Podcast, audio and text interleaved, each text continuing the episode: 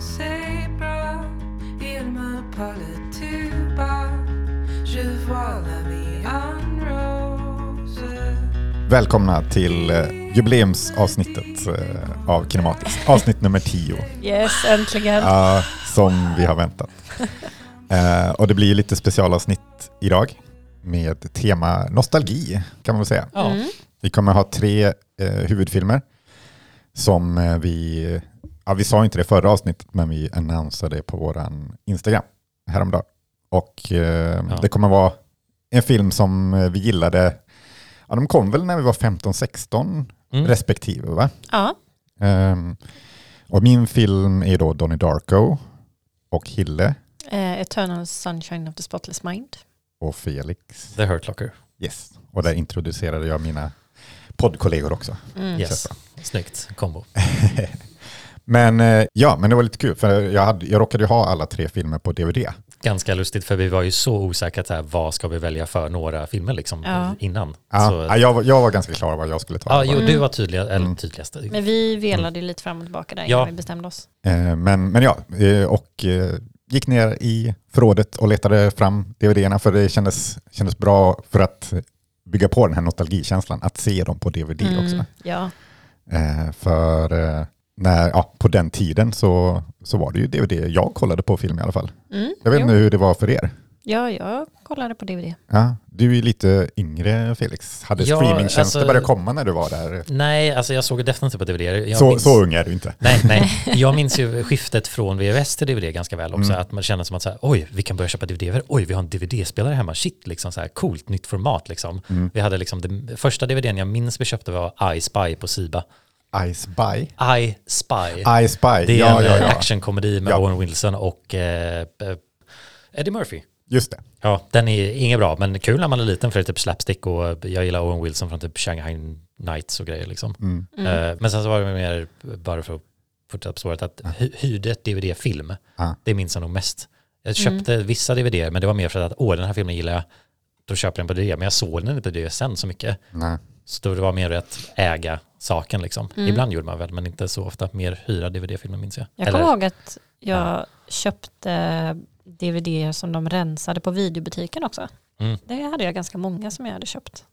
Ja, jag, jag gjorde det ibland i början av mitt DVD-samlande.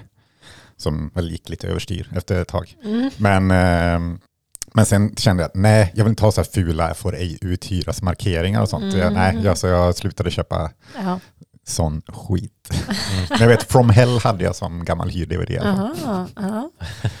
Men jag kommer också ihåg att min första DVD jag köpte var Sagan om ringen. Eh, när den Mm. kom på DVD. Och det gjorde jag innan vi hade en DVD-spelare. Ja, Så jag tänkte så här, jag vill ha den här på, alltså jag vill äga den. eh, men nu har ju DVD börjat komma, jag kan inte köpa den på VHS, för det känns ju B.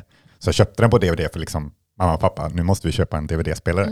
Mm. Jo men vi hade några DVD också innan vi hade en DVD-spelare men vi har första Sagan om ringen på VHS minns jag. Mm. Men de andra på DVD. Det har vi. Vi hade det också på VHS. För jag kommer ihåg att när man köpte den på VHS så fick man också, det var som en liten eh, Mount Doom. Oj, Och så var det liksom ringen i, ett, i en kedja. Och så kunde man sätta ner ringen i Mount Doom och, då, hållare. och så började den lysa liksom Oh, med wow. lava och grejer. Det måste varit någon specialutgåva Ja, för det det, hade, det minns inte jag. ja, Jag minns dock att jag, var, jag ville ju ha en sån ring när jag var liten. Mm. Jag tittade på det, typ den här reklam, liksom det här teknikmagasinet, liksom så här, köp the one ring. Mm. Det kändes coolt. men, eh, men ja, nej men det var lite kul att, att damma av eh, DVD igen. Ja, jag blev med, typ, jag hade Hurt Locker då på DVD och jag var så här, men gud, jag borde lyssna på DVD-kommentarspåret. Ja. Att det inte finns på streamingtjänster än, eller att det inte finns med, eller Ja, att det har försvunnit lite grann. Ja, extra det är synd. Har intresset för det försvunnit? Alltså jag, jag tror folk skulle gilla det, men folk tänker nog inte på att det borde erbjudas eller fanns där. Och Mm. eh, det är ju lite nördigt eller tråkigt kan man ju se så här, nu ska jag se en film med några som pratar, eller, eller det är ju vanligare nu, jag tänker Let's Play och folk som har typ podcast där de ser en film och pratar över den som en till. Det har jag ju lyssnat på själv liksom, så Mm. jag tänker att det är på ett sätt nu är vanligare, man borde egentligen göra en podcast med, liksom släpp filmen, men ha en podcast med Kommentatorspår. Liksom. utgivaren liksom, som Mm. ger kommentarspåret Mm, där. Vilken idé jag kom på. Ja. Nej, men, för, men jag kommer ihåg just med DVD, bara jäklar, fan, massa kommentar, kommentarspår. Eh, det här ska jag ju kolla på, men jag gjorde ju aldrig det. Ja, nej, visst. Så, Jag vet att jag gjorde det några gånger. ja, jag gjorde det. Sagan om ringen tror jag gjorde. Ja, Ja. ja, precis. Det gjorde jag också för mig.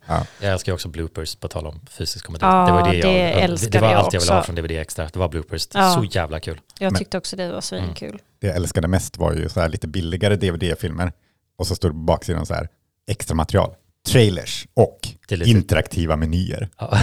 Ja, det Det var så här, det var materialet. Eller när det är asmånga deleted scenes som man typ tittar på dem och så här, det här är ju hur ointressant som helst liksom. Ja, men det är ändå, det är ändå mer extra material än sant. interaktiva menyer. Det är Alltså. sant. Men eh, ja, jag vet inte, men med det sagt kanske vi ska röra oss in på första filmen, Ja, eventuellt. Mm. ända Eh. tillbaka till 2001. Precis, vi, Mm. vi tar dem i kronologisk ordning helt enkelt. Eh, och börjar med Donnie Darko då, som var min favoritfilm när jag var 16-17. Jag tror, jag tror jag såg den första gången när jag var 17 kanske. Mm. För den kom ju 2002 på DVD i Sverige tror jag. Jag tror jag såg den på tv, om det var 2002 eller 2003. Ja, 16 kanske var när jag Mm. såg den första gången. Eh, och eh, 16-årig kille är väl den den är mest riktad till ska jag säga. Så Ja. det var väl perfekt eh, Ja. tiden kom. Liksom. Mm. Ja. Jag, jag såg den själv när jag var 17 och tänkte jag är perfekt ålder för att se den här. Alltså jag sa det till mig själv efter jag såg den för jag hade ju liksom läst om den filmen och kände som att folk var typ såhär nej den är förvirrande, jag gillar den inte. Medan jag var så här jag är ung nog att jag inte liksom har förutfattade meningar så att jag förstår den här. Liksom, jag var, jag var typ Ja. liksom, kände att perfekt ålder för den liksom, Ja. på något sätt. Mm. Men eh, ja, man kan väl ta en kort eh, handling, eller vad den handlar om. Eh, Richard Kelly för, för övrigt heter ju regissören. Försvann lite sen, eller han gjorde men- några filmer men blev ju aldrig någon... Han känns lite som en one-hit wonder med den Mm. egentligen. Eh, men hur som helst, den handlar om Donnie Darko. Eh, som, ja, han har lite psykologiska problem kan man väl säga. Han mår lite dåligt och sådär. Mm. Och det trappas upp när han hittar en, eller han får en imaginär vän som är Frank, som är en man-sized kanin. Mm. Eh, eller en, en person i kanindräkt. Med en ikonisk mask som ni kanske känner igen Mm. ifall ni sett omslaget till Donnie Darko. Lite dödskalleaktig. Men hur som helst, ehm, Frank säger till Donny då att jorden kommer gå under om fyra veckor. Eh, och eh, ja, han får också Donny att göra olika eh, dåd. Han, när han eh, sleepwalkar eller Precis. går i sömnen. Mm. Han översvämmar skolan, han bränner upp ett hus, ja, lite olika saker. Eh, och sen eh, blir det ännu mer eh, invecklat. Han träffar någon tjej som är nyinflyttad, de blir kära i varandra, han blir, börjar intressera sig för tidsresor, blir allt mer rebellisk. Typ. Ja, det, Mm. det händer mycket i den här filmen helt Ja. enkelt. En underlig coming of age story liksom. Ja, det får man verkligen säga. Ehm, ja, jag vet inte, man kanske kan lämna handlingen där. Ja, Mm. jag tänker vi kommer väl gå in lite på spoilers också, Ja, i och med att den är precis. så pass gammal. Vi går in på handlingen, Ja. eller vad vi tycker. Ja, nej men det är, alltså som sagt, när man är 16-17 och ser den så är det bara, fan vilken smart film, det här är det smartaste jag sett någonsin. Mm.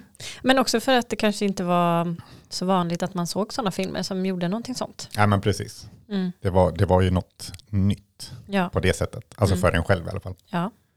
Ja, den, den känns ju fortfarande lite unik på vad den vill, hur den vill porträttera tidsresor, hur den blandar ja, liksom något sci-fi med... berättar, Hur den berättar det. Och, Ja, mm. för den känns ju både lite som, alltså, en, den påminner ibland lite om typ eh, Magnolia av Paul Thomas Anderson, liksom, att den känns så här dra, stordramatiska familjedramat, men den är liksom som en dens underliga, liksom deprimerade emo-kusin typ. Ja. liksom att den, den Ja, känns men jag- lite förvrängd. Ja, men jag tänkte mycket på det just, eller den känns ju, dels känns den väldigt mycket som en millennieskiftet-film Mm. i estetik och, och berättande. Alltså, och miljöerna, det här med Ja, de stora husen, det är lite American precis. Beauty-känsla till miljöerna där också. Exakt, Liksom. jag, Ja. jag tänkte mycket på så här, den, den känns väldigt Paul Thomas Mm. Anderson-inspirerat, eller kanske influerad av samma som Paul Thomas Anderson eh, var, Robert Altman och Martin Scorsese typ Mm. i, i liksom kameraåkningar och, Mm. och berättarteknik och sånt där. Mm. Men Men- den här är ju definitivt mer drömsk, liksom. Eh, bara hur Precis. den börjar sen med att... Slow motion och ljuset och Ja, allting. Och, liksom och tidigt allting. liksom i filmen så eh, händer ju den här kraschen.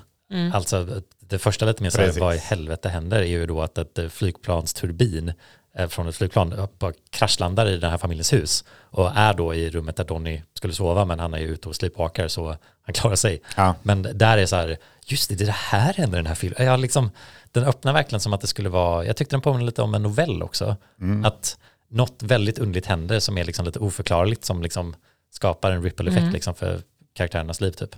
Mm. På något sätt. Det kändes som att den skulle kunna göra sig OK som en bok.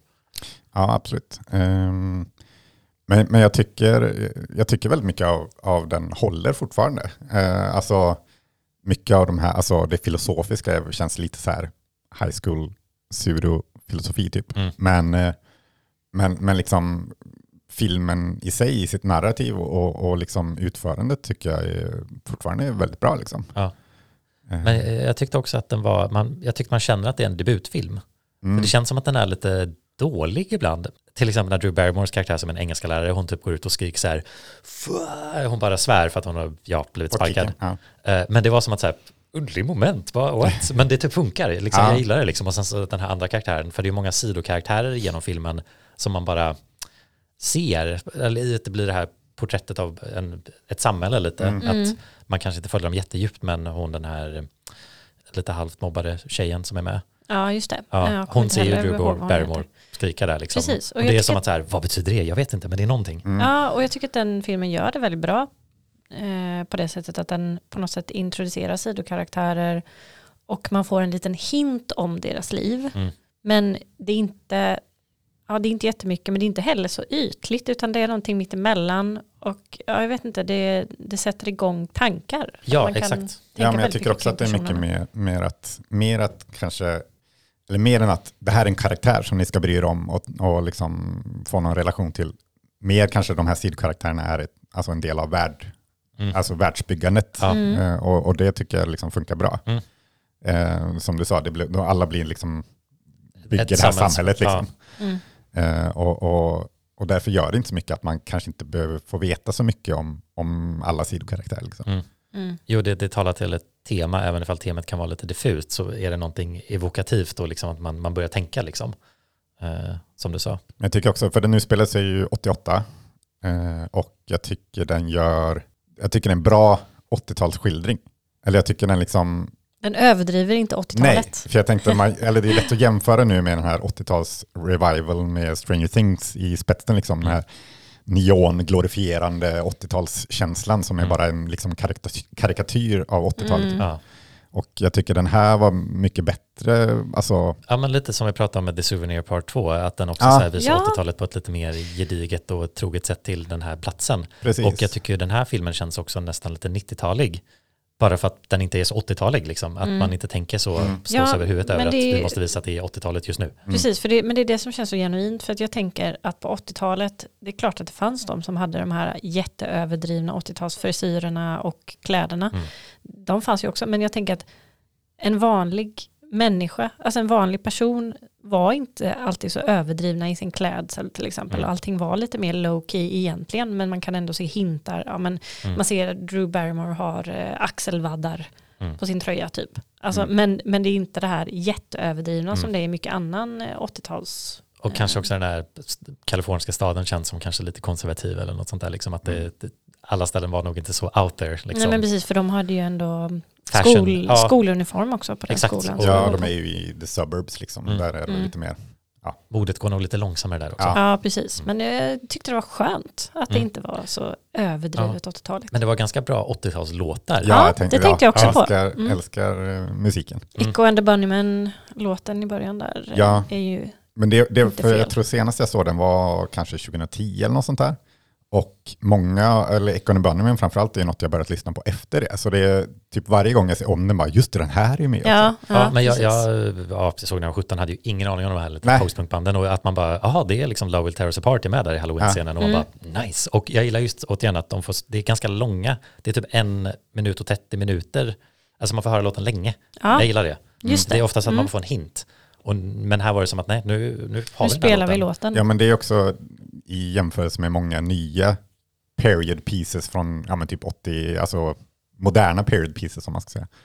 Eh, Så på, i den så är det så här, ja men vi har fem, sex 80-talslåtar typ som Ja. man får höra en hel del av.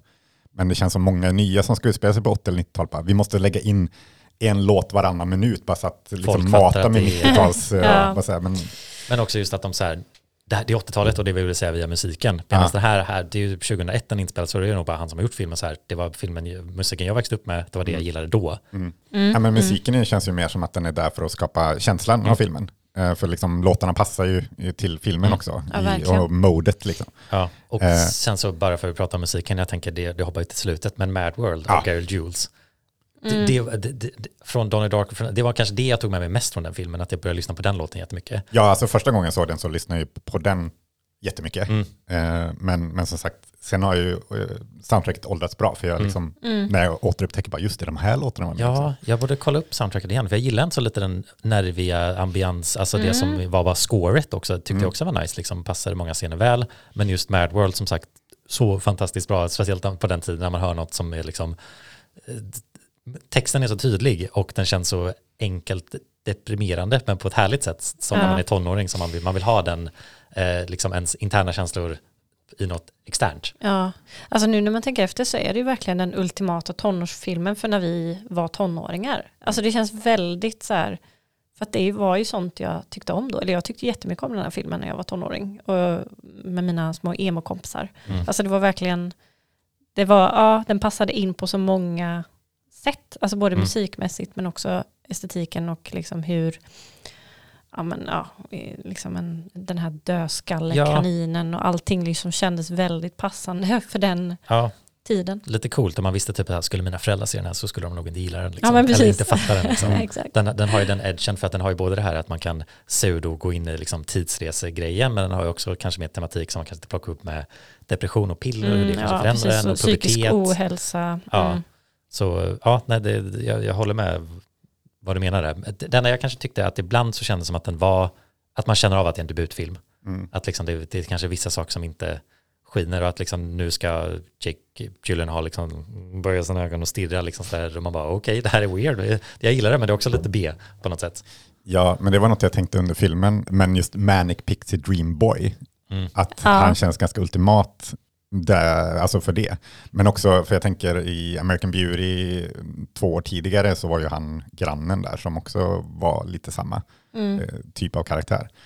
Men, Mm. men jag tycker det är intressant med skillnaden mellan Manic Pixie Dream Boy och Manic Eller Pixie ska Dream man säga- Girl. Nightmare Elf, eh, Depressed Nightmare Elfman eller någonting som Ja, jag såg någon ja. gång. Någon översatte det till om det var en kille. Ja. ja, men för det, är, alltså, de, det känns som den klassiska eh, tjejen Mm. eh, som har, de ska vara lite quirky, lite tokiga liksom. Men, men, men just att eh, kill-varianten är mer så här, det är nästan så här maniac, pixie dream boy. Mm. Alltså de, de är på gränsen till att vara liksom Ja och det, det är nästan som sociopater typ. Ja, och det är lite kul hur, alltså Jake Gyllenhaals karaktär när han blir den här nyinflyttade tjejen, eh, liksom, hon har ju också en dark past liksom, och det, det connectar dem lite, men hans typ flörtande är ju att han typ har psykisk ohälsa, men det är som att hon inte riktigt fattar det och bara, ja ah, men det här är ju nice liksom, du är typ bara dig själv liksom. Mm. Det, det, Ja. det, det är lite samma, bara, "Åh, det, det är lite underligt. Mm. Men, eh, ja, nej, men jag tycker det, jag hade inte riktigt tänkt på det när jag sett den tidigare. Men Mm. det är ju verkligen, ja, det, det känns som Känns som det var mycket kring den tiden också. Att det var Mm. såna, jag kommer inte på några fler, men jag kom på just eh, American Beauty, att Mm. han också var väldigt... Ja, men det är typ det här liksom en någon intellektuell, lite pretentiös, deppig, Mm. liksom, eh, ja, helst mörkhårig, eh, bryr sig inte riktigt om vad andra tycker. Nej, tar inte så Det är mycket ansvar. Ja. Men, men skillnaden är väl då kanske att killarna, alltså Pixie Dream Boys är deppiga och Pixie Dream Girls är quirky och liksom... ja, och glada Ja. och, och ska visa den här mannen en helt ny värld. Som inte liksom. har någon personlighet själv liksom. Nej, precis. Men Det bara- enda som driver karaktären framåt är att eh, den här mannen ska få med. leva ut Ja. sitt liv. Ja, men de ska visa ett ljus medan killarna Mm. ska visa ett mörker typ. Ja, det är en intressant tanke. Ja. Eh, sen så jag bara med Donnie Darko, två större tankar jag tänkte på, Mm. att en sak som, eller som har åldrats väl och dåligt jag tänker specialeffekterna med, för att eh, de har ju, filmen representerar liksom tidsresande som att karaktärer typ har en själ som skickas ut som en bubbla som visar vad de kommer göra. Alltså det blir liksom att här visar vi deras förutbestämda gång, liksom man ser Mm. den här saken gå framför dem. Men den effekten är lite häftig och den tanken bara att ja, det var, jag fann det intressant liksom. Jag tror jag var förvirrad när jag såg den första gången så här, Mm. det här är bara weird. Men nu när jag såg den igen så var den inte lika förvirrande i sin tidsresande, liksom, filmer har lärt mig mer om tidsresor och jag har varit intresserad i det konceptet. Så det var som att jag hängde med på vad de ville lägga ut och förstod att, aha, de går i den banan och det ska visa att allting är förutbestämt liksom. Mm. Eh, vilket jag hade inte tagit innan. Det var, det var bara ett intressant, eh, fortfarande intressant representation av tidsresande, för det är ett vanligt eh, gimmick i filmer och det är ju mer, jag tänker Nolan och alltså det återkommer och är väldigt sådär liksom eh, ett favoritskap, men jag gillar hur den här var lite underlig med det. Mm. Ja, men den känns ju lite vag och makes no sense egentligen med hela tidsreseaspekten eller sådär. Men Ja. jag tycker att det ändå funkar på något sätt. Mm. För att man ibland så känner man ju i vissa filmer att de struntar i att gå in på detaljer för att de kan inte lösa det själva så de lämnar det vagt för Mm. att de inte själva vet hur de skulle liksom Mm. förklara det. Eh, och det kan vara lite irriterande typ när det blir för vagt. Men här tycker jag att det liksom är lagom mycket vagt eller konstigt och så kan man ändå köpa det på något sätt. Och man kan lite välja sin egna tolkning, men jag tycker Mm. dock att när jag såg den att säga, ja men okej, jag förstår slutet, det, alltså han, för att tidsreseaspekten tyckte jag funkar för mig, alltså rent logiskt på något sätt att om man går in på spoilers då liksom eh, Mm. med att filmen slutar ju med början och Mm. han har ju då gjort valet att rädda alla genom att dö. Mm. För han åker tillbaka i tiden och är i sin säng och får den här turbinen som landar i början liksom. Och i och med att han gör det så ändras allt annat och de här, hans flickvän då som dör i den andra tidslinjen lever. Mm. Så liksom det blir ju någon, någon logik där och liksom saker, ja, jag, jag tycker ändå det funkar på något plan, även Ja. ifall jag också kanske inte kan säga, och det här är lite, man efterkonstruerar liksom logiken. Mm. Nej, jag bara tänker på att om, om det skulle funka då skulle ju mamman och systern fortfarande behöva störta i det här planet. Eller behöver de inte det längre? Nej, för det, de, de, de är tillbaka till, de, de, den här coachen kommer ju åka iväg på tävlingen istället för mamman. Just det. Så han räddar ju sina, sin Mm. mamma och sin syster också. Men om de inte gör det då kommer inte den falla i alla fall. Men det för, i och för sig så handlar det om det här wormholet. Ja. Man kanske inte ska försöka analysera det för Ja. mycket. Nej, men det är det jag tänker, för, för Mm. egentligen är det ju inte en tidsresefilm. Eller alltså det är inte det som är Nej, huvudgrejen. verkligen, nej, nej. verkligen Nej. inte. Så det är där, därför känner jag att det funkar, att det är lite vagt. Man behöver Mm. kanske inte Ja. överanalysera Nej, men precis. Det alla är en, eh, det är en sånt. eh, härlig nyckel att försöka vrida på och Ja. låsa upp. För man blir Mm. lite så här, vänta, va? För den, den slutar lite abrupt och man så här, är inte riktigt med, men är så här, vänta lite. Men jag tyckte inte så att man kunde kicka igång tankarna. Det var lite kul pussel liksom. Ja, jag, jag, bara en liten shoutout till hon som spelar morsan, nu kommer jag inte ihåg vad hon heter. Men jag tycker hon är så jävla bra i den Ja. rollen. I Ja, en för liten att, roll liksom. Eller hon, för- gör- hon är inte med så mycket. nej, och det tänkte jag också på i slutet där när hon så här, man ser de olika reaktionerna på familjen när han har dött. Ja, liksom. till Mad World-låten ja. Ja, Mm. Och hon står där, hon gråter inte, hon ser bara liksom Hon helt... röker en cigarett liksom. Och Ja. borta från familjen också. Precis, Ja. som står liksom lite avsides. Och det bara kändes som en väldigt äkta reaktion på något sätt. För att just det här med att alla reagerar olika på sådana här situationer. Mm. Och det är inte alltid det här hysteriska gråtandet Mm. liksom. Det kommer en liten tår där när, eh, i slutet. Ja, Det gör det alltid. ja. Jaha, okej, Mm. nej, inte för mig. Nej, jag eh, brukar ofta gråta till den. Mm. Ja, ja, ja. Vatt, ändå- kanske bara Jag tycker att den ändå är bra, alltså en känslosam film, det är det ju verkligen. Mm. Alltså, den är bra på att anspela på, på känslor, tänker jag. Eh, ja, men eh, okej, men håller den fortfarande? Vad har vi för betyg nu Ja. i vuxen ålder? Det är det jag tycker att den gör. Jag var lite rädd att den skulle, skulle vara snubbig, eller för snubbig liksom, Ja. eh, så här i efterhand. Men jag tyckte för fortfarande väldigt mycket om den, så jag, jag satte en fyra. Mm. Ja, jag har också satt en fyra. Ja. Mm. Det är som sagt, jag kunde känna att det var lite debutfilming och lite platt i vissa fall och vissa, typ, vissa sidokaraktärer, men strunt i det. Bra Mm. film. Ja, jag, jag har ju haft en femma en gång i tiden, eller det var ju min favoritfilm. Mm. Eh, ett, en gång i tiden. Eh, men eh, sedermera har jag sänkt den till en fyra eh, och där får den hålla sig tror jag. Mm. Det är en fyra plus film tycker jag. Väldigt bra fortfarande. Ja, som sagt, jag tycker den håller fortfarande. Mm. Men, men det som kanske var överväldigande när man var tonåring kanske inte lika, slår lika hårt nu. Mm. Men, Mm. men fortfarande en bra film. Ja, Mm. och en typ bra film för tonåringar, vilket känns eh, kul att kunna säga. Ja, Ja. Ja, och med den här 80-tals-crazen så borde kanske fler återupptäcka den. mm, ja Stranger Things säsong 5 har en Donnie Darko-scen så alla bara bara Donnie Darko. Precis. Mm, slänger in Ja. den referensen. Ja. Ja. Eh, Men ja, en bra övergång till nästa film är ju då också, jag fann att eh, regissören av Eternal Sunshine of the Spotless Mind, Michel Gondry, som har gjort väldigt många musikvideos då, har gjort musikvideon till Mad World, som avslutar Mhm. Donnie Darko. Mm. Så det var, det var verkligen så här perfekt liten factoid jag Ja, såg. Ja. eh, Fint att jag gick in där. Ja. Mm. Men ja, läge då kanske att gå över till nästa film helt Yes. enkelt. Ja. Donnie Darko. What the hell kind of name is that? It's like some sort of superhero or something. What makes you think I'm not?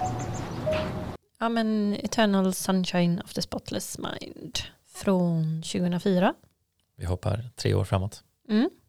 Mm. eh, av Michel Gondry som vi nämnde nyss och skriven av Charlie Kaufman. Kanske är värt att nämna. Ja, det känns ju verkligen som en film som är båda deras filmer.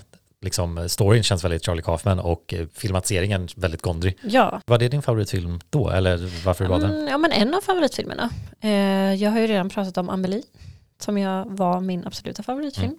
Eh, men jag, om jag inte minns helt fel, och nu får någon kompis från gymnasiet rätta mig annars, men eh, som lyssnar. Men jag har för mig att det här också var en sån film som vi fick se på bio, alla som gick estet, bild och form. För vi hade ju som eh, estetveckan när vi fick se en film på bio som inspiration för den veckan. Och Amelie var det, och jag är ganska säker på att den här också var det. Att det var så jag såg den första Mm. gången, så det var på bio. Jag, jag, kommer, jag såg också den på bio första gången. Mm. Eh, vet att jag var nere i Stockholm med mina föräldrar. Eh, och då hade jag nog sett eh, i huvudet på John Malkovich och Adaptation tidigare, som också är skrivna av Charlie Kaufman. Mm. Eh, och såg fram emot den här nya då, Eternal Sunshine. Eh, och kände att den måste jag se. Men jag tänkte, okej det här är inget för er. Så jag gick och såg den själv. Och mamma och pappa gick och såg Dag och natt tror jag med Persbrandt, som också är en ganska märklig film. Mhm. Ja. Men så, så jag liksom avrådde dem för jag tänkte att den här kommer vara för konstig och märklig för dem. Mm. Så se något svenskt ni istället. eh, men men det, det var mitt första, den första gången jag såg den i alla fall. Ja, Eh, och tyckte den var väldigt bra Mm. då, redan. kul. Ja. Ja, jag är rätt säker, jag inte såg den på bio. Kan ha varit en sån film vi hade på hyrfilm första Mm. gången, eller tv, kanske typ tvåan liksom visade den 2007 eller något sånt där. Men jag Mm. tror kanske att min syster köpte den på DVD, eller ifall jag gjorde det sen, för det var också en film jag gillar väldigt mycket. Eh, Mm. Så men jag, jag har inte tydliga minnen av först när jag såg den. Liksom. Nej. Men jag har gillat den sen länge. Liksom. Jag var inte så sen på bollen. Mm. Men fyra år kanske. Ja. så ganska. Du var väl bara typ 11 när den kom också, så det är kanske, Ja, jag var elva ja. ja, Mm. så kanske inte så konstigt att man Nej, missade den nej då. exakt. exakt. Nej. Men ja, Eh, ja, jag var ju 16 när den kom, så då var du 18 Mm. kille. Ni vet, nu kan ni göra matten och räkna till gamla vägar också. Ja. Eh, ja, men jag kanske ska berätta lite vad den handlar om ifall folk inte vet. Mm. Det känns som att många har sett den, men det kanske man bara antar. Kanske. länge sedan många kan ha sett den också. Ja. Mm. Eh, nej, men den handlar ju om eh, eh, Jim Carreys karaktär då, Joel, som eh, han får veta att hans flickvän Clementine, som de har precis gjort slut, att eh, hon har raderat honom från sitt minne. Eh, för det finns en typ av tjänst, eller vad man ska säga. Klinik. En Ja, klinik som som, man kan gå till. typ. Ja, som man går till och som man kan, eh, man tar med sig allt som finns. Mementos i- liksom. Mementos, precis, i fysisk form kan man nästan säga. Men också att man har minnen kring de här sakerna då, så ja, på något sätt så går man igenom någon procedur som gör att, eh, i flera steg då, som gör att det raderas från ens hjärna. Mm. Eh, väldigt intressant koncept från början, där tycker jag. Ja, Väldigt Kaufmanskt. Ja, ja. väldigt. Ehm, ja, nej, men han, eh, då bestämmer han ju sig för att han vill också göra den här proceduren nu när hon har gjort det. Mm. Ehm, och då får man se, eh, ja, det utspelas väl främst kanske under en natt då, när de är i hans lägenhet och ska göra den här sista liksom, stora, ehm, Plocka bort alla minnen ja, helt plocka bort det från liksom, när han, han sover Mm. i princip. Eller nedsövd. nedsövd. Och, Och då nej. under de här minnena som man får se då som hon är med i så upptäcker man att han att han upptäcker att han inte vill radera henne från sitt, sitt eh, Mm. minne.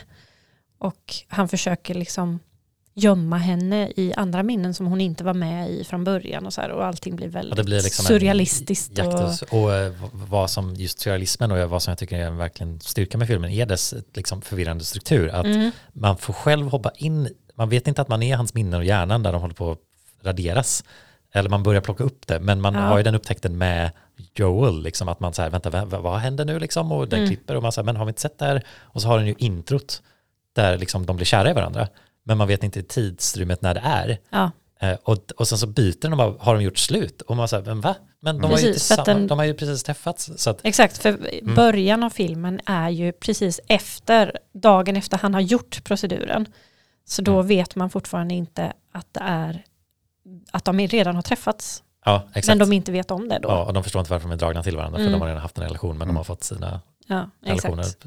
Ja, det, det det är väldigt smart. Och det, Ja. det är ju en väldigt romant, det är ju liksom så perfekt start, för man blir direkt typ lite kära i båda de här. Att så här, wow, de är, jag gillar de här, de man vill att de ska mötas liksom. Det känns Mm. spontant och de har väldigt romantisk musik liksom. Mm. Och sen, bara klipp till att han sitter och gråter för att de har gjort slut. Liksom. Ja, Ja. och man fattar inte vad som händer liksom. Och man Mm. så här, va? Och så börjar massa annat och så blir den här liksom neurotiska gå in i hjärnan och liksom minnen och det blir mer Kaufmaneskt och ja, Mm. den B-plotten börjar också liksom. Ja. Ja, det är ju väldigt unikt och genialiskt. Och som sagt, det, är ju, det känns som det är bara Kaufman som kan skriva sådana filmer egentligen. Mm. Men det är också så här, som, som, som sagt, man blir liksom bara, vad är det som händer? Mm. Men det är ändå så liksom, man fattar ändå. Ja. Alltså man, alltså det, det är liksom, man sitter inte efter filmen och bara, nej, jag, jag fattar ingenting. Nej. Nej, Det är, ändå, precis. det är så tydligt men ändå så liksom konstigt. Mm. Ja, och här också är det väl det är tydligt men det är inte övertydligt. Det är Nej. lagom tydligt på Ja. något sätt för tolkning och för att man ska veta vad den handlar om och Mm. vad essensen är. Mm. Och även då mycket takt via Gondrys liksom fantastiska sätt att porträttera minnen och hur Mm. han övergår från minne till minne. Där liksom ett minne påminner om något annat och då hamnar man liksom, han, lite som en paprika med att man har matchande övergångar i klippen. Mm. Ja, Att man kan hamna till en helt annan plats men man är inte så med för att den visuellt stämmer överens med vad man är så att man förlorar inte känslan och Joel som karaktär har ju liksom ett minne som försvinner, hamnar ett nytt minne men det är inte som att han liksom förlorat kunskapen om att han försvann från, eller liksom ja. den, Nej, men det, precis, Mm. det kan vara snygga övergångar också från att de filmar i ena sidan av rummet så är det ett minne och så bestämmer de sig för nej men nu ska vi gömma dig, alltså nu ska jag gömma Clementine i ett Mm. annat minne från när jag var liten och då liksom filmar den andra sidan rummet som förvandlas på något sätt stegvis Mm. till hans barndomshem. Mm. Och det är också jätte, Ja, jättesnyggt gjort Eller andra scener är tvärtom, att liksom kameran går dit och så går den ditåt och så försvinner detaljer. Liksom, Mm. en, Precis, och det, Ja, eller det det blir mörkt och liksom eh, det, sakta men säkert så bara plockas väggarna Ja. bort eller någonting. Alltså, jo, ja. bildspråket är väldigt mycket typ som att man har en ficklampa som liksom lyser upp någonting. Och det, det, Mm. jag tycker det är lite fint match också så som att om man ska minnas någonting då måste man ju aktivt tänka på minnet. Så man måste rikta liksom sin uppmärksamhet mot det som att man skulle Mm. ha en ficklampa och så här Ja. peka på det. Mm. Men sen så om man då tappar fokus så kommer ju mörkret in och det är väldigt mycket vignettering i många Ja. scener. De är upplysta med liksom en strålkastare och liksom det är ganska starkt och Mm. direkt och mycket mörker liksom. Eh, men det blir ju också som att, jag fick mig att tänka typ bara lite här att, att minnas är ju också att inte komma ihåg. Mm. Mm. Eller liksom att om man ska minnas någonting så är det väldigt mycket så här, ah, jag är inte säker, jag minns inte riktigt. Eller Ja, det- man det- minns ja. inte alla detaljer, man minns inte... Och den, man får den känslan här, liksom, att Ja. saker och ting finns i periferin, men man, om man inte riktar in liksom, fokusen så är det svårt att se. ja, jag tänker eller- också när han kommer till kliniken i minnet, då, eller han minns när han gick till Mm. kliniken och är i det minnet samtidigt. Och ser, ja, men framförallt Elijah Woods karaktär Det var första exakt gången. det jag skulle säga nu. Okej. Ja.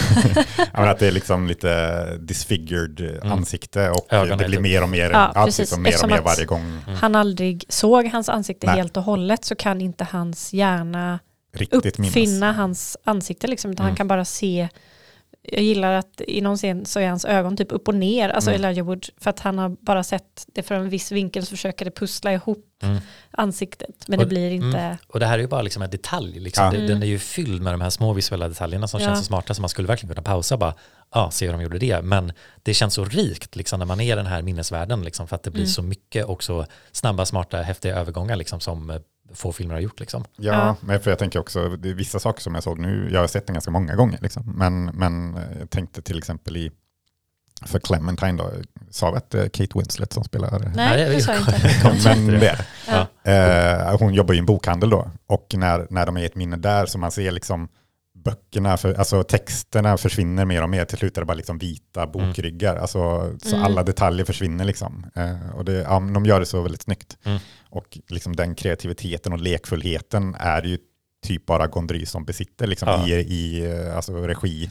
Ja, och till just eh, alltså det, det handlar så mycket om props, liksom, Mm. fysiska saker som ändras, liksom, men med kameratrick och eh, liksom, massa olika kreativa lösningar. Liksom. Mm. Eh, för man har ju, den är, den är ju väldigt tydlig för man kan följa karaktärerna genom det här. Liksom. Och jag tycker Kate Winslet och Jim Carrey är väldigt bra i sina Ja, roller. ja, ja, Liksom. verkligen. De eh, håller ju fast filmen. Liksom. Mm. Mm. Eh, Ja, det blir inte bara som, som i typ Be Kind Rewind av Gondry till exempel. Mm.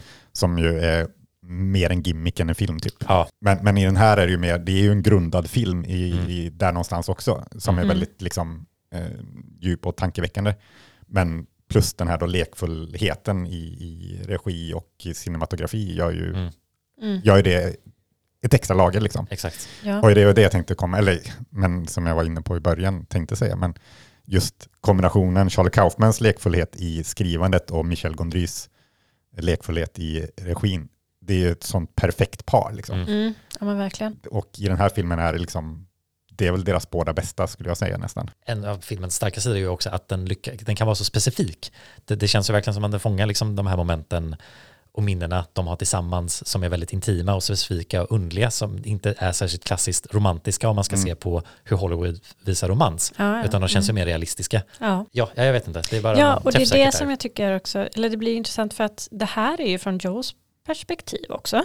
Och det gör ju, om man ska gå tillbaka till det här med Manic Pixie Dream Girl då, så är ju hon i princip en sån karaktär utifrån hans perspektiv. Mm. Men man märker ju att alltså hon är ju inte det egentligen, men eftersom att det blir det genom hans ögon så blir det den här, äh, ja men som att hon, hon säger två gånger i filmen, jag är inget koncept, du Mm. kan inte liksom leva genom mig, jag är min egen person, jag är liksom bara fucked up och vill, liksom vill bara ha eh, peace of mind, typ säger hon ju.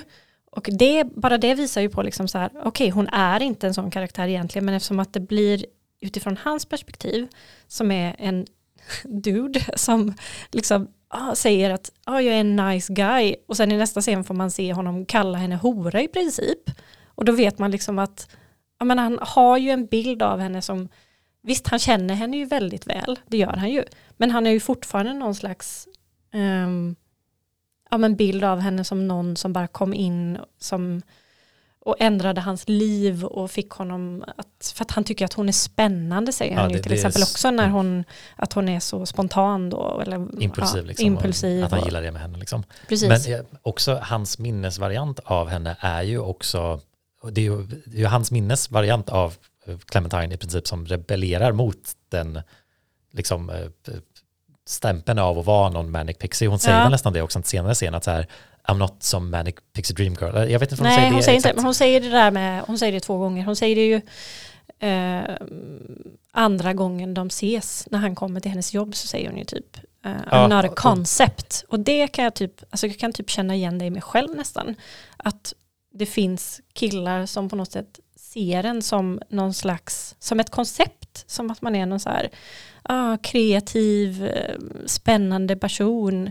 Men man kan liksom inte riktigt se alla lager hos personen eller man ser det inte som en djupare person utan bara som någon som ska förgylla ens liv med någonting nytt spännande.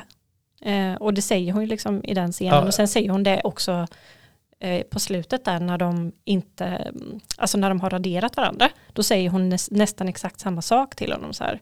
Vi kommer typ hata varandra eh, och du kan inte, ja, Ja, för jag vill också bara komma till att jag tycker att filmen då, eller man kan ju lätt ta den termen och säga, ja men Kate Winslet är en sån karaktär, så som Mm. jag antydde i, när vi pratade om Donald Darko, men att i filmen så får hon ju också faktiskt eh, inte vara det. Precis. Att filmen visar att hon inte är det och Ja. säger det flera gånger. Liksom, och det är därför och jag tycker inte den stämpeln det. är korrekt att säga till hennes karaktär. Nej men. Men de dragen Mm. finns där, speciellt med hår. Alltså man skulle kunna se på hennes karaktär och liksom göra en dålig karikatyr som skulle kunna vara en Manic Pixie Ja, Dream Girl, men de har ju exakt. inte förstått det. Precis, Mm. och det är det, på ytan så är hon ju Mm. absolut en Manic Pixie Dream Girl, men det blir ju mer komplicerat än så Mm. i filmen. Ja. Det visar ju någonstans, eller det är ett bevis på att det är väldigt välskrivna karaktärer ändå, eller Ja. att det är ett välskrivet manus överlag. Mm. Just att, eh, ja, men som du säger, man, man, man får en tydlig bild av henne, men det finns ju fler lager och de lagren visas. Liksom. Mm. Eh, så det, ja, nej men, ja, Men man kan ju också på något sätt se hur Joel romantiserar hennes Ah, ja. personlighet också. absolut. Eh, Och det är ju någonting man säkert gör efter man har gjort slut med någon, liksom, att man Ja. minns en viss sida av en person. Liksom. mm, jo. Men för det tycker jag är intressant, för det är ju Clementine som i hans minnen då, eh, liksom planterar tanken att han ska åka till det här stället som de träffades förra gången, efter han har raderat. Mm. Och säger eh, come to Montauk. Mm. eh, Meet me at Montauk. Ja. Mm. Eh, men det är ju han, det är ju han som Precis, Gör det. det. är ju hans hjärna som hittar på det, Ja. så det är ju inte hon egentligen. Nej, men samtidigt har ju hon också fått den tanken. Mm. Eh, Precis, för hon är ju där. Ja. Men jag tänkte också bara på det här med perspektiv, att när jag såg den nu igen så var det som att man skulle vilja se den här filmen fast från Kate Winslets Ja, perspektiv. definitivt. och hur hennes minnesresa och radering hände. Mm. Eller liksom, det, det, man, jag hade en liten avsaknad av det när man såg den. Precis, för att det blir ju egentligen, när man tänker efter så blir det väldigt lite hennes perspektiv. För att mycket av filmen är ju hans minnen av henne Mm. och hur hon eh, agerar i de här nya minnena han försöker förflytta henne till. Mm. Eh, det är ju liksom bara sånt som han kommer på själv. Så det är egentligen väldigt lite av, ja, Mm. man får se henne liksom. Men även ifall det känns som en så att hon är en full, alltså en tredimensionell karaktär i hans minnen också. jo. Det är inte som att den försöker göra den mindre komplex liksom. Nej, Men nej, det, inte. faktumet, om man, om man ser på storyn så stämmer det ju. Mm. Men det är ju inte känslan man får liksom. Man, man tänker ju inte på att det är Joels minne av Kate Winslets karaktär Clementine liksom. Mm. Man tänker att ja, men här är Kate Winslet som, hon är ju, eh, bemöter ju Joels egna, liksom, eh, de har ju konversationer liksom. Ja, jo, precis. I minnen också som faktiskt Ja. är riktiga minnen. Ja. Ja.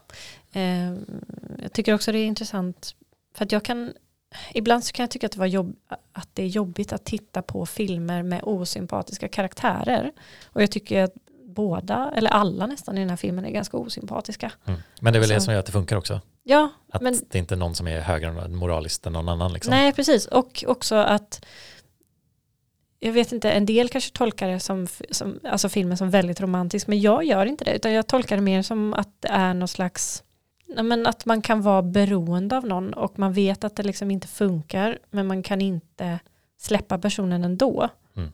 Och, Och även om du försöker radera den ur ens minne så går det liksom inte. nej men precis. De får abstinens liksom. Ja, att det, ja, det finns något intressant i det. Och då, det är ju ganska tox, det är ju väldigt toxiskt, en toxisk relation. Och de väljer ju det på slutet också, vilket man kan ju se som romantiskt, att så här, ja det här kommer nog gå åt skogen, men vi gör det ändå liksom. Men ja, jag tycker inte att det är romantiskt att Nej, välja nej, men det. det, Men, det, är ja, ju, det är ju lätt att se det som det liksom. Mm. Och filmen har ju romantiskt bildspråk och liksom, speciellt i början när de blir kära igen i varandra och man inte riktigt förstår i tiden när det är. ja. Den biten är ju mest ren romantisk. Jo, precis. Det Liksom. finns ju minnen som man ser som man Ja. känner också. Bara, Mm. Att man kan känna igen det till riktiga livet på något sätt med så här fina moments. Mm. Ja. Men jag, jag tycker, jag kan inte riktigt hålla med om att huvudkaraktärerna är osympatiska. Visst, de har osympatiska sidor, Mm. men jag tycker mer att de är bara äkta karaktärer. Alltså jo, det var liksom, lite det jag ville komma fram till. Att det är ändå ett bra porträtt av en toxisk relation där man kanske bråkar mycket Mm. och det, eh, man säger saker som man inte menar.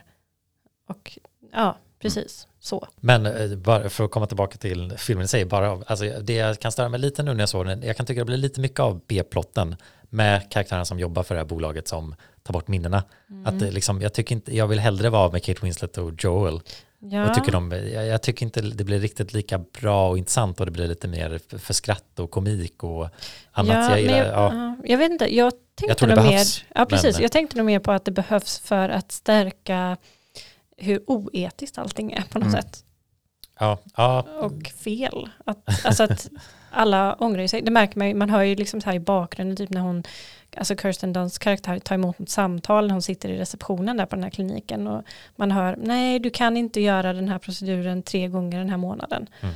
Eller man ser någon som sitter i väntrummet med eh, sin hunds eh, leksaker och matskål och sånt där och man tänker, oj shit hon är så ledsen över sin hund att ja. hon bara Man, vill man kan ju glömma inte ta bort hunden. sorg eller sorgeprocessen. Mm. Liksom. Ja, Det men det kommer är inte lite- funka. det är ju lite Men- lustigt att han, Charlie Kaufman har kommit på det här Mm. konceptet. Vi gör en film där man raderar liksom, personer ur sitt minne. Och samtidigt bara, fast det funkar ju inte. Nej, alltså, liksom, Precis. det, är- det är liksom, ja, ja, man måste ändå bara försöka bearbeta det, försöka ja, att det får ta tid, och man, men och att det väl- kommer vara svårt. Precis. Um, ska vi gå in på betyg?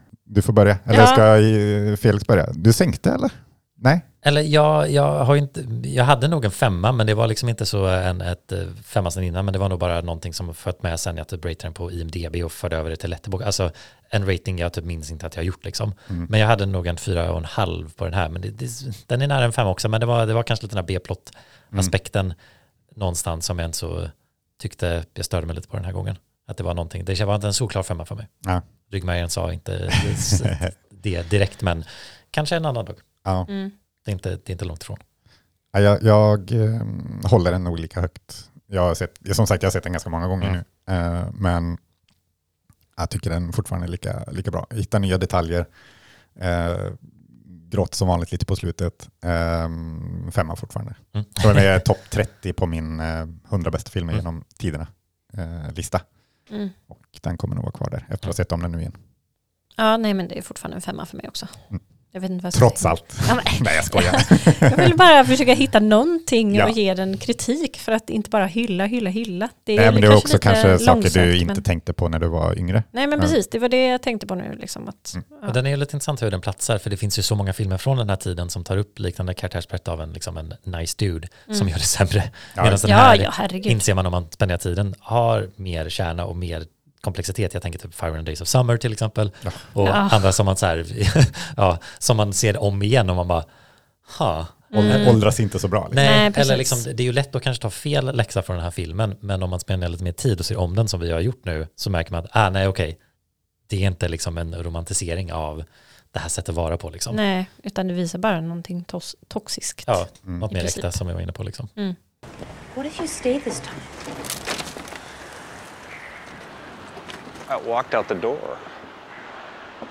There's no memory left. Come back and make up a goodbye at least. Let's pretend we had one.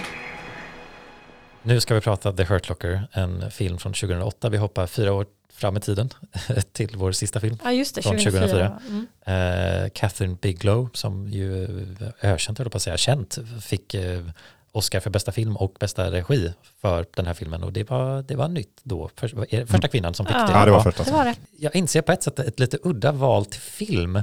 För som Krille sa häromdagen, så här, det är typ ingen förutom du som har en relation till den här filmen. Liksom. Ja, men jag, så, jag, jag kollade upp det och det är den minst inkomstbringande Oscarsvinnaren någonsin. Ja. Genom alla tider. Intressant. Förutom de två senaste men Ja. på grund av pandemin. Men, Coolt. men så ingen såg den då, ingen har sett den efteråt. Nej, men för, för jag kände nog också att så här, jag har inte tänkt, jag har inte pratat om den här. Det var lite det som lockades till mig, liksom, för att jag, var, jag hade svårt att välja vad var min favoritfilm, för jag tror inte det var så starkt kopplad till det här var den absoluta. Du Liksom. hade ingen Jag hade- topplista liksom. Nej, jag skulle kunna gjort den och jag önskar att jag hade kvar den listan nu, men det fanns ju många fler val. Liksom. Jag gick ju tillbaka och vad kom det ut för filmer då? Det var så Dark Knight, Fight Club och annat. Liksom. Men det var något med den här som lockade till konversationen. För, och sen så hade ju ni inte heller sett den, vilket känns lite spännande för det är en som bästa Oscarsvinnare. Liksom. Det känns som att det är en sån film som man skulle bocka av på någon lista. Och Jag, jag tänker- köpte den på DVD, så Ja, jag, men ja. den har legat i en låda i Mm. 13 år typ nu. Och det är ju lite spännande att det är en kvinnlig regissör och hon har den, liksom, fått en Oscar för det här. Liksom. Eh, I alla fall, eh, för att säga om filmen, det handlar helt enkelt om en, eh, en explosionsunit i Irak i kriget som diffusar bomber som ligger och skräpar i städerna som både amerikanerna har lämnat och andra. Och eh, eh, i tidigare filmer så får man se en scen där ja, huvudledaren dör, Guy Pearce eh, har en kort roll. Det är ju många så här kända ansikten som dör snabbt i den här filmen. Ja. Jag så här, eh, precis innan och bara, men det är ju Guy Pearce, boom, ja, okej, Ja. där var han borta. Ja. Och på grund av detta då så kommer då Jeremy Rennes karaktär in, eh, Will eller vad han heter, som den nya teamleadern i den här trion eh, som diffusar bomber. Och man märker direkt att han är helt oansvarligt as som bara bryr sig om att göra saker på sitt sätt. Han är ingen teamplayer liksom. Men Springer in i grejer. ja, men på grund av hans skill så blir han ju användbar i krig, liksom, för där spelar ju statistik kanske mer roll än hur du gör det alltid. Om det inte går en viss gräns, men här får han ju, han borde ju egentligen inte vara med i armén liksom. Eh, Om man ser till hur han eh, agerar med sina teammates liksom. Ja. Men ja, så börjar den eh, och man får då nästan bara direkt så här från scen till scen så är det en ny bomb som ska det, liksom, vad säger man, diffuse? Desarmera. Desarmera, tack. Det är ju mycket av vad den här filmen funkade för mig då tror jag och även lite nu är ju bara spänning och typ explosioner är coolt. Att liksom, det är mycket, om man inte gillar det, om man inte tycker det är intressant och ser Och det är så killigt. och ljudet och allt sånt där så kommer inte den här vara så underhållande till en början liksom. För ja, jag tycker den har annat också, men ni kommer säkert eh, komma med motbalansen här. Men 100% det var någonting jag tyckte var häftigt med den här filmen då, att bara kunna se det visuella, liksom, att man, man kommer, det, jag tycker hon, Catherine Bigelow gör det väldigt väl, att man kommer in i actionet och känner av det fysiskt. Liksom. Någonting jag tror jag lite gillar med vissa filmer, typ som eh, Dennis Villeneuve gör en hel del bra med bara hög spänning. Ja, om Och jag det är ska, en uppbyggnad liksom. Mm, Ja. jag skulle säga. nej, jag tänkte bara om jag ska rida med på hyllningsvågen en, en kort stund i alla fall. Mm. Men, men det den gör bra tycker jag den gör väldigt bra. Som sagt, den lyckas ju med den här spänningen Ja. i, i just eh, desarmeringsscenerna. Liksom. Mm. Och, och ja, nej, men där tycker jag det görs väldigt bra. Liksom. Ja. Jag gillar lite också att de filmar typ karaktärerna runt om, liksom, att man får se de som bor där och att det är lite ska vara lite lätt visuellt poetiskt, liksom man ser liksom gatogränderna på många olika sätt. Liksom. Mm. Det är inte bara till de här soldaterna. Liksom. Men jag tycker liksom, hon är bra på att regissera action eh, och klippa och sånt. Liksom. Men eh, Det är på något sätt intressant att den första kvinnan som vinner en Oscar för en film gör en actionfilm. Mm. Jag vet Ja. inte, det är någonting ironiskt i det på något sätt. Men det jag tycker är kul med Catherine Bigelow att hon gör ju bara grabbfilmer Ja. egentligen. Mm. Point Break är väl hennes eh, största claim to fame egentligen. Mm. Eh, men därför blir det liksom, när jag tänker på kvinnliga regissörer så det är sällan hon kommer upp liksom för, Mm. för det känns som hon inte är en kvinnlig regissör. om man förstår mig rätt. Ja. Liksom. Ja, ja. Och alltså, det, det ska ju få existera också, men bara för att det är så rare med att kvinnliga regissörer får priser så blir det liksom att det, det, det sätts till sin punkt tydligare än att det bara skulle vara en av annan kvinnliga regissörer som gör actionfilmer. Men tyvärr så finns det inte så många och då blir det mer anmärkningsvärt vad de gör filmer om. Mm, Det skulle ju vara precis. bättre ifall det inte var anmärkningsvärt att Nej, att vem filmer. som helst kan göra film om vad som Ja, helst. Ja, ja, verkligen. Varför jag lite också ville valde den här, varför jag tror jag drogs till den då, inte bara att det är liksom en actionfilm som känns väldigt hög oktan spänning, liksom, som jag kanske reagerade på då, liksom, som en tonåring. Liksom. Men jag tror jag hade en viss liksom, fascination över så här, vad gör en soldat? Mm. Mm. Liksom, ja, man har ju läst om andra världskriget och liksom förstår det, men vad gör, vad, vad gör en soldat nu? Mm. Vi har ju liksom vuxit upp med Irakkriget som vårt krig. Ish. Inte att det var vår Mm. fight, Ja, men men, ändå det första man kanske Mm. minns och var med om och Var med om rapporteringen och sådär. Liksom. Exakt Mm. liksom. Eh, Och sen så då har ju sen då media och filmerna kommit om det. Liksom. Det, det blir ju alltid en lagg där att till slut kommer berättelserna och storyerna om det här traumat som krig är. Liksom. Tyvärr blir det ganska ensidigt från amerikanska Ja, liksom. Mm. Eh, så sett. Men jag växte också upp med att typ, så här, spela Battlefield 2 Mm. som utspelar sig i den miljön. Liksom. Sen så såg jag också den här miniserien Generation Kill som jag tycker är ett ännu bättre porträtt över vad en soldat gör och den är ännu mer realistisk. Liksom. Soldaterna som var med är med i serien. Så Mhm. se Generation Kill, läs boken, kan skippa den här ifall ni vill se någonting om krig eller veta vad en soldat gör, vad nu den frågan betyder. Men Ja. eh, jag var inte så fascinerad över och jag tror också kanske, jag tänkte lite på det nu inför, ifall det hade någonting med min rädsla att typ vara med i lumpen och typ bli liksom inropad i svenska armén. Eller Mm. liksom, jag minns ju när man svarar på den enkäten så här, för det inte, var ju inte värvning på det sättet som Nej. det har kanske varit senare, men att man typ, jag var så negativ för jag bara kunde till min attityd med, med att vara med i lumpen. Liksom. Ja. Mm. Och kanske också att det var en liten rädsla, att så här, okej, men vad gör en soldat? Att man ville veta där man inte ville vara. Mm. Jag var ju emot krig, ville inte vara en soldat, skulle aldrig vilja vara i krig. Liksom. Mm. Men att kunna, som med film och media, man får närma sig någonting som känns främmande. Mm. Och man fick lite svar och även bättre förståelse över de här amerikanerna som är med i kriget, liksom. i Irakkriget specifikt nu. Liksom, att Mm. de här personerna, hur bara den maskinen i USA funkar, liksom, eh, hur folk kan använda det som ett val, att ja, men jag går med i armén. Och man kan fly saker som de här karaktärerna i den här filmen gör också. Alla flyr för någonting som är med i den här trion av Mm. dess bombdesarmeringen. Liksom. Så jag tycker det definitivt visar hur ofungerande, ohälsosamt krigssystemet är. Jag tycker inte den här filmen, eh, den skulle kunna vara tydligare, men jag tycker inte den, eh, liksom, utöver nöjet med explosioner så tycker jag den inte är ett liksom, förkrig. Den visar ju mer hur fucked up det är och vissa Ja. personer som fastnar där. Jag, Men ty ja, det, jag har ju sett den ett par gånger nu och det var inte så någonting jag landade i nu. Jag tycker inte den gjorde det så bra. Nej. Jag tycker den är ganska dålig på att visa att det är en anti-war-film. Liksom. Mm. Ja, Ehm, det håller jag med om. eh, jag känner, Eller för ja, den är ju först och främst liksom ett karaktärsporträtt och Jo. sen så kanske den har undertoner av kritik mot krig liksom. mm, men det är ju först en det, fascination med det tyckte soldater. jag, tyckte inte den lyckades få fram så bra. Nej, nej, ja men eh, ja, för jag, jag tycker ändå den gör det lite med slutet, att det liksom visar en bruten karaktär snarare liksom. Mm. Mm. Ja, och det är väl taglinen är väl war is a drug. Men Ja. det är också så här, det, Det är lite halvdant. ja, det hade också kunnat gjorts bättre. Varför är det det? Och liksom vad gör det med honom? Mm. Men jag känner, Egentligen. eh, ni får tala lite nu, nu har jag haft en harang här, men Nu kommer- ni, ni kanske förstår var jag kommer ifrån lite bättre. Ja, Mm, mm, mm, verkligen. jag, krigsfilmer in- intresserar mig inte så mycket. Liksom. Jag har väldigt svårt för Mm. alltså, krigs, krigsfilmer. Mm. Eh, som ju det här ändå är. Liksom. Mm. Eh, det är en warzone, man är bara i warzone i stort sett. Mm. Eh, och eh, ja, nej. Jag, jag, jag har svårt att liksom känna något för det. Ja, Ja, jag har också svårt för, för krigsfilmer och väldigt mycket action har jag också svårt för. Ehm, explosioner. och Ja, jag håller med om, eller jag, jag förstår ju att det på något sätt ska vara antikrig. Eller jag tänker att man ska tänka att han är bara beroende av den här adrenalinkicken och bara liksom att slänga sig ut i fara och ja, eh, få vara någon slags Cowboy. Ja, hjälte. Eller liksom att, ja, att det är någonting beroendeframkallande för honom. Mm. Som han inte kan släppa och allt annat verkar tråkigt i livet i princip. Ingenting går upp mot den känslan. Alltså jag kan ju förstå att det handlar om det. Men samtidigt så tycker jag att det blir inte så antikrig. Det blir liksom på något sätt så här, ah, kolla vad coola de är. De desarmerar de här bomberna som räddar folk och eh, Mm. de är där och gör sin, eh, liksom, vad säger man, eh, ja, Men, för fosterlandet ja, ja. och så vidare. Mm. Alltså det blir väldigt amerikanskt och jag gillar inte när det blir för amerikanskt. Nej, det är någonting men när det är lite så här USA hurra att det, det, man har Ja, det är lite så här. Ja. Och det, det finns i den här filmen, absolut. Mm. Eh, men ja, jag har ju nog bemött den här eh, USA-känslan ett annat gång. Jag har kanske sett, haft lite mer intresse till krigs, men det har egentligen me- mest varit Generation Kill, men jag tror också, ja, jag vet inte, jag blev fascinerad av den här filmen också lite och såg ju den här Zero Dark Thirty och såg fram emot den, men den var ju inte riktigt lika bra, tycker jag, som The Hurt Locker. Som också av Catherine Exakt, det Mm. blir ju hennes Om uppföljare. Osama, jakten va? Ja, exakt.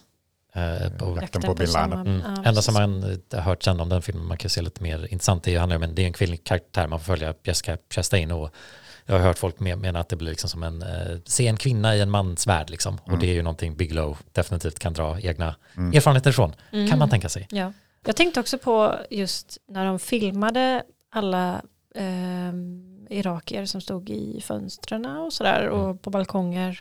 Att de såg så, de, det känns som att de ville få dem att se så shady ut. Mm, Och- det tänkte jag också. Ja, och man så här, är det för att man ska se det så som soldaterna ser det eller varför gör ni det valet liksom? Det bara kändes så onödigt att det hela tiden skulle vara så att alla Mm. skulle verka så himla shady.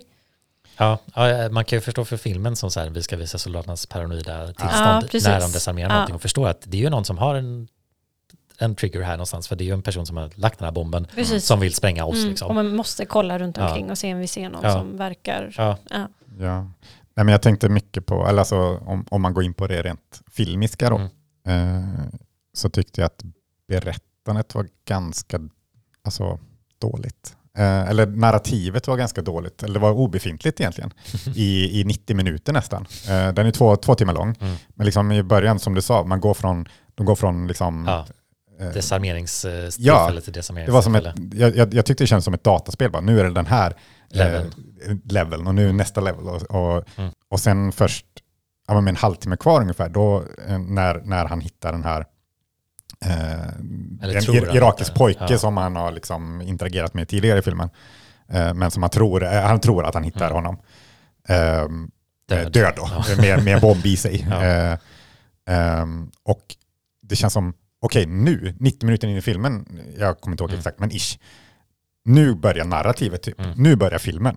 Och då var det lite för sent för att jag skulle orka bry mig, känner Mm. jag också. Ja, Eh, och sen efter det också, för det, det slutar väldigt märkligt också att den här pojken lever ändå och han bryr sig inte om honom när han väl inser att han lever. Ja, mm, ja, det blir väldigt märkligt. Jag antar att de kanske vill få det till då att han insåg att han var för emotionellt investerad så att han försökte bara stänga av istället. Ja, jo, Men och det, det, kan man så, det analysera. blir så konstigt men det, jag tyckte det var flera sådana scener när, de, när karaktärerna reagerar på ett väldigt konstigt sätt som makes no sense, typ när de står där uppe och funderar på om de ska spränga honom i luften.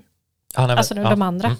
Mm. eh, soldaterna i hans eh, kompani, eller vad Ja. man säger, står där uppe och funderar på om de ska spränga Jeremy Renners karaktär i luften när han För att ska de inte springa. tycker att det funkar. Eller han är Ja, liksom- precis. Ja, de är ju rädda att han kommer få honom död. Precis, att de, andra kommer döda. bli dödade på grund av hans reckless Ja. behavior typ. Men det bara kändes så märkligt att det, det kändes som att det kom från ingenstans. Okej, ja, nej, för jag, jag, jag tyckte den scenen var ganska rolig. Jag Ja, den när kan man jag såg alltså, den röda knappen och de bara, Ska vi? Det, det Ja. kan ju hända en olycka. ja, den Ja. andra personen som tänker snabbare och bara också visar hur dåligt och eh, liksom förvrängt och inte som det ska vara den här Jo, det situationen här. och tänker de här jag för sig på också. Att, eh, De visar den verkligen att Jeremy situationen, Renner, skulle de trycka på knappen och bara, ja, ah, fair. Han borde, han borde inte vara här liksom. Precis, att, att på något sätt alla regler och all liksom så moral och etik bara försvinner ut genom fönstret på Mm. grund av liksom hela sammanhanget. Mm. Ja, jo, men det kunde jag ändå köpa på det sättet. Men jag tror det kanske främst var hur de levererade replikerna. Jag tyckte bara att de sa det på så konstigt sätt Mm. att det blev så här. Jag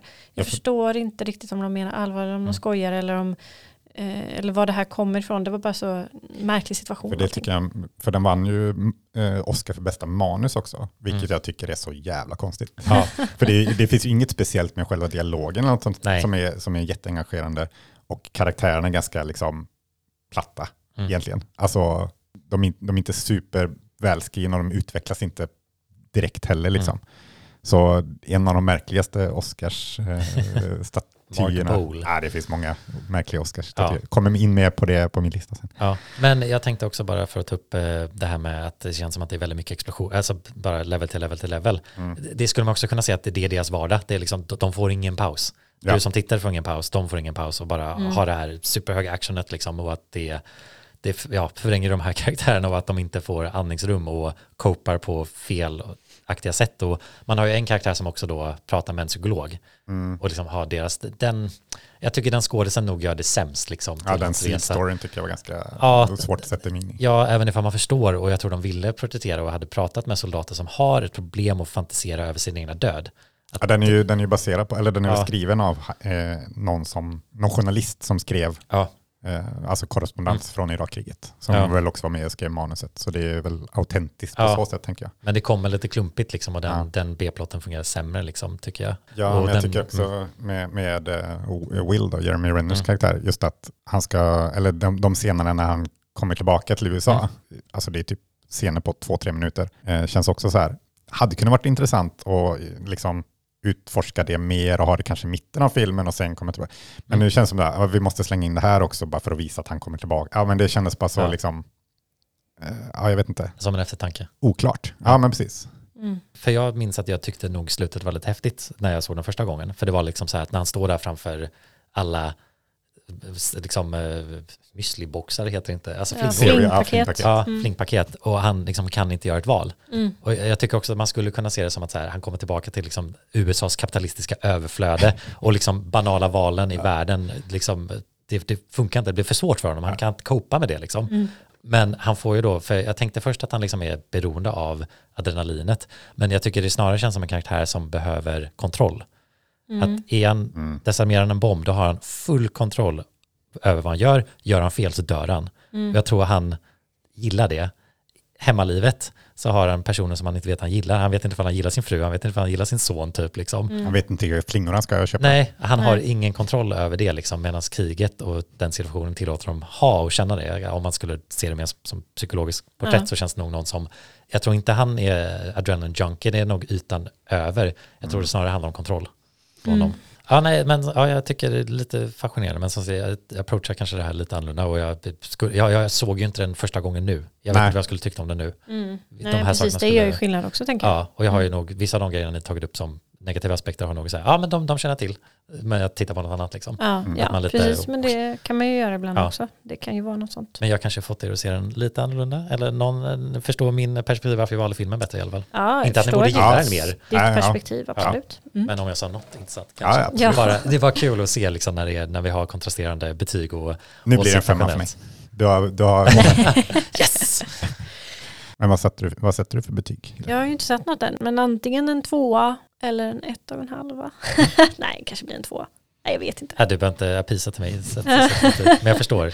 Ja. Jag, jag tänkte ändå under filmen, kanske en trea. Mm. Alltså, den, det, alltså, nu känns det som jag bara varit neggig liksom. Och det är kanske mest negativt att ta med mig från den ändå. Men Mm. det, som sagt, det den gjorde bra gjorde den väldigt bra tycker Mm. jag. Men eh, jag, är nöjd- jag satte en tvåa, kanske en två och en halva eventuellt. Ja. Ska jag säga. Ja, nej, jag hade en fyra på den. Och för mig tror jag också att delvis den har en viss underhållningsvärde i att bara visa de här högoktan-scenerna. Det liksom funkar för mig, jag tycker det är underhållande att titta på. Mm. Eh, Och det känns spännande och de, liksom, den biten och bara någonstans att så här, explosionerna låter bra, de ser coola ut. Alltså Ja. någon grundnivå av uppskattning för det. Jag blev lite um, åksjuk av den också eftersom det var skakig kamera hela filmen. det är sant. Så tyckte jag var lite jobbigt att titta på. Ja, Förstår ju valet men Ja. jag Ja. uppskattade inte. Felix, knyt upp säcken nu innan Ja. vi går vidare till listan. Ja, men det jag märkte lite med alla de här filmerna är att de slutar där de börjar. Just det. Det är verkligen en sån Eller? cirkel. För Donnie Darko bör, slutar ju med, att den, Ja, med början. ja. Man, får, man ser ju Ja. exakt samma scener när de, turbinen kraschar. Man får se exakt samma, Mm. Mm. hon går in genom dörren och så bara poff, Mm. pappan vaknar. Eternal Sunshine också, den slutar ju ish där med början. Ja, att de har mötts och fortsätter där. därifrån. Mm. Mm. Och den här gör ju också det att eh, på ett lite annat sätt hade han resettas till noll. Han, filmen slutar med att han går med ett nytt. Ja, för den räknar ju ner tills de är klara Ja. med den här eh, liksom. Då är det liksom 30 dagar. Ja. Men sen så blir det ett år han ska vara i Precis. kriget liksom. Mm. Och det är också liksom den cirkulära, och här, Hurt Locker blir också här, människor förändras inte typ lite. Mm. Eh, De är fast liksom lite. Och de andra gör ju på ett annat sätt liksom. Men det var någonting jag märkte ens att det blir lite, det är ju vanlig storyteknik att dra ihop säcken och cirkulera tillbaka till början. Mm. Det är oftast känns som någonting när man skriver filmmanus att man vill det. Ja. Att kunna tematiskt komma tillbaka till där man börjar liksom. Hur ska vi göra det med podden? Vi skulle haft någon lista i början för att, så vi kan gå tillbaka till min veckolista nu då. Ja. Men det, vi gör det ändå. Ja. How many bombs have you disarmed? Uh, I'm, I'm not quite sure. Sergeant, Yes. ask your question. 873. sir. 800 and 73. 800 and 73. That's just hot shit. Ja, nej men då kör vi bara min lista då innan vi säger hej då för idag. Eh, och eh, Hurt Locker vann ju som sagt Oscar för bästa film. Eh, kanske inte den mest värdiga Oscarsvinnaren för bästa film. Nej, jag, blev nyf- jag kollade inte upp vilka den var emot. Eh, en- jag kommer inte ihåg exakt. Nej. Men min lista kommer i alla fall vara på de fem minst värdiga Oscarsvinnarna från år 2000 och framåt. Okej. Mm. Eh, Hurt Locker klarar sig faktiskt. Eh, så det, du kan andas ut eh, Felix. Oh my God. Eh, Men jag gick igenom eh, listorna och det, det är inte jättemånga som jag tycker har varit värdiga. Jag- Alltså de tre, de tre jag kunde vara okej med typ var väl Moonlight, eh, Parasite och eh, just det, No Country for All Men. Mm. Eh, tycker jag också känns okej. Men de eh, fem eh, minst värdiga, och det här är baserat då dels på hur illa jag tycker om filmerna, men också på vad de gick upp emot. Liksom. Mm. Men det här är bästa film. Ja, bara för bästa Mm, film. Eh, men på femte plats eh, år 2000, alltså för år 2000 års bästa film då, eh, vann Gladiator. Eh, och ja, det känns bara, alltså det är typ okej, men ja. Mm. Eh, den hade Crouching Tiger, Hidden Dragon och Traffic var två filmer som den gick upp emot. Det var på den Oj, tiden det bara var ja. fem eh, filmer som Just var nominerade. Eh, och även In the Mood for Love var ju, kom det året, men den var inte nominerad till bästa film. Men det är ju en, min absoluta favoritfilm, Ja, så den borde ju vunnit alla år. Mm. Men eh, ja, jag kan väl tycka att Crouching Tiger, Hidden Dragon hade gärna fått vunnit där faktiskt. Mm. Om, av de nominerade då. Gladiator tycker jag kanske inte ens borde vara nominerad egentligen. Mm. Eh, på plats fyra, det är Russell Crowe igen. Och en sämre film av Russell Crowe, A Beautiful Mind. Hur kunde den vinna Oscar för bästa film? Mm. Gud. Märkligt. Jag har inte sett Ja, den. nej, jag, jag har sett den men jag kommer typ inte ihåg den. Nej, och den gick ju upp bland annat mot eh, Lord of the Rings, alltså första Mm, Sagan om ringen, eh, som ju är den bästa och Sagan om ringen. Mm. Men jag förstår att eh, de väntade till tredje och ger dem, Precis. ger dem priserna då. Mm. Eh, men den är ju bättre än A Beautiful Mind, får man säga. Men också Royal Tenenbaum och Mulholland Drive kom det året. eh, Mm, ja, som inte var nominerade. Eh, Som jag tänker, hade kunnat, Royal Tenenbaums hade ju kunnat vara nominerad och vinna. Och eh, filmer som har varit mer viktiga i filmhistorien sedan dess. Ja, ja. Ja, Vem bryr sig om gud, Beautiful ja. Mind Ja, liksom. Nej, så här, det är ah, ingen- Crowe-film från förr. Nej. Men det brukar ju Nej. vara så med Oscar-vinnarna. Ja, Ja. Det, det kommer vi Ja. vidare med nästa, eller de tre första också. Mm. Men eh, år 2005, års bästa film, blev Crash. Ja, just det. Den här Paul Haggis-filmen. Som jag kommer ihåg när den Oscarsgalan var. Jag så här, hade precis upptäckt Magnolia, älskade den. Jag tror jag kanske sett eh, Shortcuts av uh, Altman också. Och så här, Crash kändes som en liknande film. Så jag bara så här, åh, jag kommer älska den. Jag har inte sett den än, men jag hoppas den vinner Oscar. Och den vann Oscar. Bara, ja, yes, en, så här, en film som jag förmodligen kommer gilla Ja, som vinner min smak Oscar. bekräftad. Sen såg jag den och så var den ganska dålig. Alltså. Ja, jag har bara hört att alla verkligen sågar den och att den typ porträtterar rasism på ett sånt upp och ner. Alltså den är typ rasistisk liksom. Ja, den, ja precis. Den, den ska vara så här antirasistisk, Ja. men den blir rasistisk. Ja. Typ. Eh, ja, nej, den är bedrövlig eh, på alla sätt och vis. Känns väldigt sån Oscar bait-film typ. Ja, och de nappade den gången Mm. tydligen. Eh, Men på, vi går vidare till plats två. Den här nämnde vi förra veckan tror jag. Eh, Green Book. Ja, ja. Håkan-filmen, nej. Nej, eh, Green Book är ju kanske den sämsta Oscarsvinnaren någonsin. Jag har fortfarande inte sett den. nej, alltså, det känns som de aktivt, så här, det är ett aktivt hat mot filmindustrin Mm. att ge den Oscar för bästa film. Jag fattar inte hur det gick till. Och det var ju kontroversiellt att den vann där lite med, det var väl, ja, Spike Lee var ju inte positivt till kändes som den var, eller många var inte så nej, positiva. precis. Den är ju lite som, samma som Crash. Den vill så Ja. här, nu ska vi eh, bygga broar och Ja. mot rasism och så blir den typ Rasistisk. karikatyr, Ja, och Och rasistisk. lite ändå. innan det här Oscar So White-härvan också liksom. Och Exakt. Bara, ja, Green Book, yay. Ja, för det var väl samma år tror jag Black Clansman var nominerad. Ja, Och om man då ska ge till en så här antirasistisk film, ge det till en svart regissör då som har Ja. gjort en, Ja. en bättre film. Spike Lee liksom, Ja. han förtjänar någonting. Nej, vi ger den till uh, Farrell, ena Farrelly-brodern som gör Green Book istället. Ja.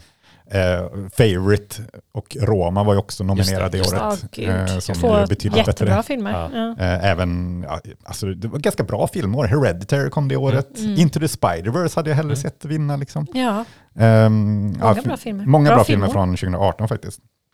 Men eh, den slås ändå av ett ännu märkligare val faktiskt. Eller ja, jo, jag skulle, med tanke på vad den gick upp emot. Eh, King's Speech vann 2010. Just det. Ja, den såg jag nog på bio på grund av att den fick bästa filmen. Ja, jag Den är väl, alltså den är inte fruktansvärd. Nej, det- Den är bättre den är än Green. Book. Ja, Men, Men men den är ganska med, Ja. har jag för mig. Mm. också en som man inte säger, åh, vilket eh, legacy Green Book har, eller The King's Speech nej, liksom. eller hur? Nej. Och den, de filmer den gick upp emot, bland annat då, eh, Social Network, eh, men också Inception kom, var nominerad. Mm. Och min favorit av de nominerade det året, Black Swan. Ja. Eh, och liksom vi har, vi har liksom Fincher, Nolan, Aronofsky som gör kanske sina bästa filmer. Eh, men, men alla förlorar mot King's Speech. Ja. Ja, det är så konstigt. Ja, det är jättekonstigt. Märkligt. Så eh, ja, 0-0 och framåt, det märkligaste Oscarsvalet, Mm. The King's Speech. Mm. Men ja, det var listan. Ja. Och, Detta var eh, avsnitt 10, ett Detta var avsnitt format. Vi kanske Mm. gör något sånt här igen. Det kanske kommer någon Mm. gång i framtiden. Men nästa avsnitt kommer ju släppas dagen efter Halloween. Sp- Spooky. Ja, Ja. det blir lite... Så det, Det blir brukar lite... vara Spooktober, men det blir första november istället då. Men det blir Mm. skräcktema. Alla helgons podd. precis. Och huvudfilmen blir Alien. precis. Som vi såg på bio nu nyligen faktiskt. Igår Ja. Igår. såg vi den på bio. Ja. Mm. Men så vi kommer prata extra mycket om Alien och om andra skräckfilmer. Mm. Eh, Men det får vi se vad det blir. Ja, och eh, här kommer lite Tears for Fears. Precis. Tears of Fears har ju två låtar med i Donnie Darko. Eh, men också är ju Mad World gjord av Tears of Fears. Så vi tänker vi kör deras version helt enkelt. Så Ja. vi tar lite av varje från Donnie Darko soundtracket. Ja. Här kommer Mad World. Tears of Fears. Hej då. Hej då. Hej då.